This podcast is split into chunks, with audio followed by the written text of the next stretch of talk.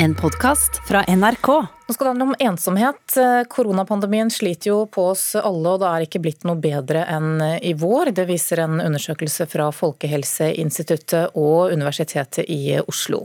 27% flere studenter er ensomme nå, og verst er det for studenter som bor alene på hybel i storbyene Oslo og Bergen. Dennis Lie er en av dem som har kjent på hvordan pandemien har påvirket hverdagen. Det er litt sånn opp og ned. Jeg har jo i det siste um, snakket med en type psykolog, da, og eh, det har hjulpet meg en del da, eh, med å få vekk den ensomhetsfølelsen. 20 år gamle Dennis Lie går andreåret sykepleie ved Oslo OsloMet. Nå når han ikke får være sosial med venner, tenker han noen ganger at livet er ganske kjedelig. Han er glad for at han går andreåret, og at han deler hybel med en studiekamerat. Og når jeg tenker tilbake, dersom jeg skulle starte i år, da, så tror jeg, jeg Jeg vet ikke helt om jeg ville klart å holde motivasjonen eller holde motet oppe da, til å fortsette å studere. Romkameraten og psykologen har hjulpet han gjennom den vanskelige tida. Jeg følte at uh, hverdagen har blitt mye lettere, egentlig. Ikke nødvendigvis at det løser alle problemene, men bare få det ut egentlig, og snakke med noen og reflektere på hverdagen og tenke litt mer. Og, ja. En ny undersøking fra Folkehelseinstituttet viser at vi har blitt mer ensomme under koronapandemien. Én av tre studenter oppgir at de er ensomme. Ensemda er større for de som bor alene, enn de som bor i ei husholdning med flere enn ett medlem. Verst er det der smitteverntiltakene har vært strengest, forklarer Ragnhild Bang-Nes, som er seniorforsker ved FHI. Tallene vi ser reflekterer smitteverntiltak og, og, og, pandemien. og Derfor er det ikke så rart at det nettopp er i Oslo og Bergen hvor vi ser at eh, alle egentlig sliter mer enn det de gjør eh, i Agder og Nordland eller andre steder i landet. Så, så dette følger smitteverntiltakene. Helsebror Per Arthur Andersen sier at den beste medisinen mot ensomhet er å være sammen sammen med andre. Noe som er lettere sagt enn gjort nå under pandemien. Det er jo klart at Vi mennesker vi er flokkdyr. Vi er avhengig av sosial kontakt med andre. Mange som gleder seg til det å skulle bli student, leve studentlivet og alt det fart og spenning det gjerne innebærer. Men det er jo selvfølgelig ikke det samme å gjøre det nå på en meters avstand med munnbind og ikke kunne gi hverandre en klem heller. Han oppfordrer de som føler seg ensomme til å ikke være redde for å be om hjelp og sier at en ikke skal føle på skam pga. ensemda. Vær aktiv i lokalmiljøet. Smil bak munnbindet. Ikke vær redd for å ta en telefon til en du tenker på, fordi de tenker helt sikkert på deg òg. Dennis har også noen ord som han ønsker å dele med andre ensomme studenter. Det er en tøff periode, og du har sikkert hørt dette tusen ganger, men hold ut. Du er ikke alene der ute. Reportere her det var Emily, Louisa Millan Eide og Aida Korami. Sunniva Gylver, prest i Fagerborg menighet her i Oslo. Velkommen til Nyhetsmorgen. Takk for det. Hold ut, du er ikke alene, sa han her. Er det omtrent det samme du sier òg? Ja, det er vel omtrent det samme jeg sier, men jeg ser jo at det er krevende. Og jeg er jo selv prest i et område med tror jeg 70% alenehusholdninger og mange studenter, som jo vi snakket om nå. Eh, og at det rammer ekstra hardt når du får den sosiale nedstengingen. Ja, hvordan merker kirkene i Norge dette? Det er nok mye forskjellig, men jeg vet at mange har merket både en økt pågang og en mye sterkere oppslutning om det digitale som lages. For min egen del vil jeg si at jeg merker det godt på at det er en pågang på samtaler, dels fordi det trigger eh, altså Pandemien trigger helseangst og frykt for døden og eh, den der akutte følelsen av sårbarhet. Og dels fordi at noen har jo fått bedre tid da, til å tenke gjennom de store eksistensielle spørsmålene og rett og slett bare sparer litt på det. Og så har du de som rett og slett bare trenger å prate med noen. Det de pleier å gjøre i køen foran vannautomaten eller etter, på kirkekaffen eller treningssenteret. Alle de derre småsamtalene som er stengt ned, da. Ja, hva, er det, hva er det de ønsker å prate om? Alt mulig. Men det går både på dette med som sagt, sårbarheten og frykten og angsten for døden og kanskje for framtida, og så kan det gå på mer en sånn eksistensiell greie på at nå har jeg fått tid til å tenke mye gjennom livet. Hva betyr noe, og hva er meningen? Og, mm. eh, eller bare det helt vanlige. Fordi vi trenger det òg. Hvis vi konsentrerer oss litt om de vi snakket om her, da, unge og studenter. hva er det de tenker kanskje ikke så mye på døden, først og fremst? Jeg opplever nok at da går det mye på dette med ensomhet. Og så går det nok likevel også for en del på en plutselig sterk erkjennelse av hvor mye vi ikke har kontroll på i livet. Altså Man er på vei inn i en framtid og har lagt mye planer og eh, er kanskje vant til å kunne tenke at det får jeg gjennomført. Og så får du liksom veldig midt i trynet at eh, alt kan kastes rundt på et blunk. da. Har det også noen positive sider? Jeg tenker at vi i dette året har sett eh, både det beste og det verste i oss. Sånn er det gjerne med kriser. Og at man ser at veldig mange også har vist enormt med omsorg, kreativitet, endringsvilje. Og vi ser jo en reduksjon i atferd som vi må redusere. Reising f.eks., selv om det gjør vondt og er trist for mange. Jo, men jeg mener dette, dette At folk tenker over sin tid her på jordkloden, ja. uavhengig av hvilken trosretning man har ja, ja. i og for seg, eh, det er vel ikke utelukkende negativt, det? Nei, for en prest er det veldig positivt positivt. Og jeg tenker også at mange har fått kjenne på noen nære gleder i det enkle livet. Og på en måte fått stoppet opp og tenkt igjennom noen ting, og fått brukt også mer tid sammen med sine nærmeste, de som har hatt mulighet til det. Men det blir jo et forstørrelsesglass. Har du din egen kohort og har det bra med den, så har du kanskje til og med hatt det bedre enn ellers på mange måter. Og har du ikke en kohort, eller har du det utrygt hjemme, så har du hatt det verre. Og der kommer ensomheten inn igjen. Ja. Mm. Hvis, hvis, du skal se hele året under ett fra en, sånn, en slags offentlig omsorgsperson da, som du er, hvordan vil du si at det ser ut? Jeg tenker jo at eh, Mye er likt skulle jeg, skulle jeg si som ellers. fordi at nettopp som du sier, en sånn situasjon vi kanskje er vant til å skulle stå i sånne omsorgsfellesskap, så, så er det jo ikke sånn at livet ellers er en dans på roser når vi ikke har pandemi.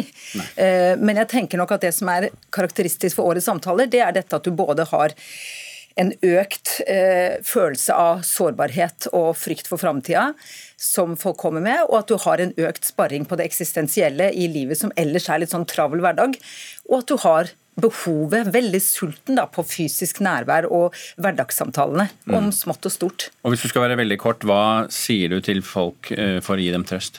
Snakk med noen. Lytt til noen, tenn lys i mørket, prøv å få trent og spist og sovet, og sørg for å få noen møte på skjerm eller bli med på turer med Turistforeningen eller lokalkirken. Det kommer til å bli bedre snart. Det går bra til slutt. Ja. ja Sunniva Gylver, prest i Fagerborg menighet, takk for at du var med oss her i Nyhetsmorgen. Hvorfor i all verden tar Hvorfor i all verden tar de ikke opp båten? Er det noe å skjule? For meg verkar det som at man försökte dölja någonting. noe. Man vet jo ikke om det her virkelig var en ulykke. Really Den eh, norsk-svenske dokumentaren 'Estonia funnet som endrer alt' ble for få uker siden tildelt Stora journalistpriset, som altså er den gjeveste presseprisen i Sverige. Men nå får denne tildelingen kritikk fra ganske prominente pressefolk i nabolandet vårt. Og hva er grunnen til det? Reporter Thomas Alvarstein Ove.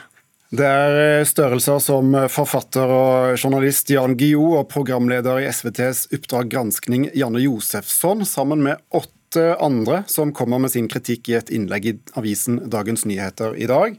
De anklager dokumentaren for å viderebringe det de kaller spektakulære konspirasjonsteorier uten at den greier å fremføre noe belegg for at teoriene stemmer. De mener den også gjør bruk av suggererende klipping og et utvalg fortellinger som skaper en følelse av en mørklegging av de virkelige årsakene til at Estonia sank. Dette er en ulykke som skjedde for mange år siden. For de som ikke har sett dokumentaren nå i høst, handler den om? Ja, Dette er altså en serie som er laget av det norske produksjonsselskapet Monster for strømmetjenesten eh, Dplay og TV Norge i, i, hele Norden. Og handler altså om fergen Estonia som forliste midt i Østersjøen i 1994, da 850 mennesker mistet livet. Eh, de legger til grunn at den offisielle havarirapporten ikke forteller sannheten. Dette forsøker de da å dokumentere ved å gjøre et dykk med en miniubåt for å undersøke fergen. Et dykk som er ulovlig etter svensk lov, og som regissøren nå må svare for i eh, retten på nyåret. Under dette dykket så oppdager de en fire meter lang og 1,2 meter bred rift i skroget, som aldri tidligere har vært nevnt noe sted. Så utforsker, de, eh, så, så utforsker, de, da når og hvordan denne riften kan ha oppstått. Og det skal eh, f.eks. ha vært systematisk eh, smugling av våpen og våpenutstyr fra tidligere Sovjet på denne ruten over Østersjøen, som da svenske myndigheter skal ha stått bak.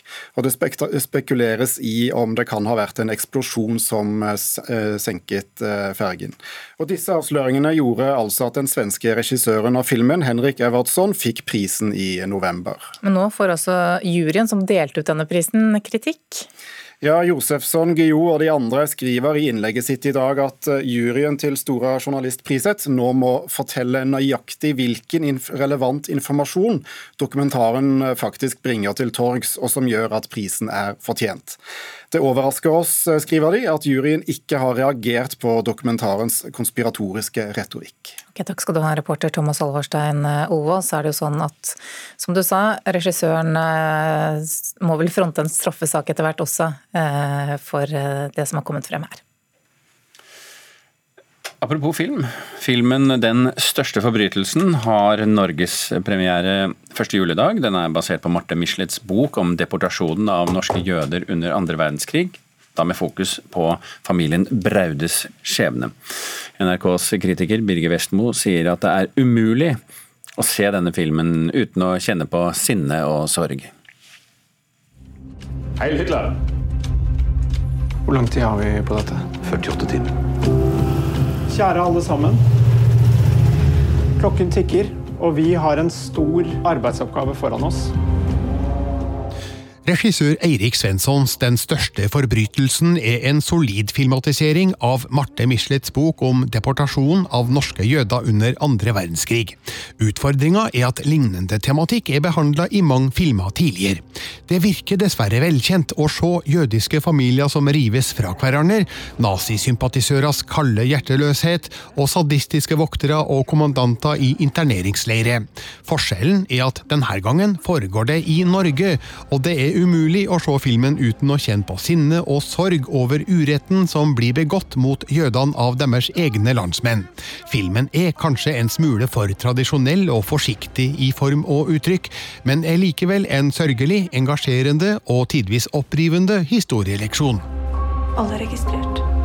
Og her spør de meg hva slags tro jeg har. Det har jo ikke noe tro, jeg. Ærlig talt, Charles, du er jøde. Hva er det å være jøde gitt oss annet enn problemer? Etter et dystert frampek mot det som skal komme, ser vi hvordan den jødiske familien Braude blomstrer rett før andre verdenskrig bryter ut. Charles, spilt av Jacob Oftebro, har fremgang som bokser, jobber i farens kjøttbutikk og gifter seg med kjæresten Ragnhild, spilt av Kristine Kujat Torp. 9. april 1940 invaderes Norge av tyskerne, og snart begynner det norske statspolitiet å kartlegge og registrere all jøder. Det her skal få alvorlige konsekvenser for både Charles, brødrene Harry, spilt spilt av Carl Martin Eggesbø, og Isak, spilt av Eilif Hartvig, mora Sara, spilt av Pia Halvorsen, og faren Bensel, spilt av Mikalis Kotsogianakis. Nå tar vi dem alle. Alle. Ingen unntak. Du må gjemme deg.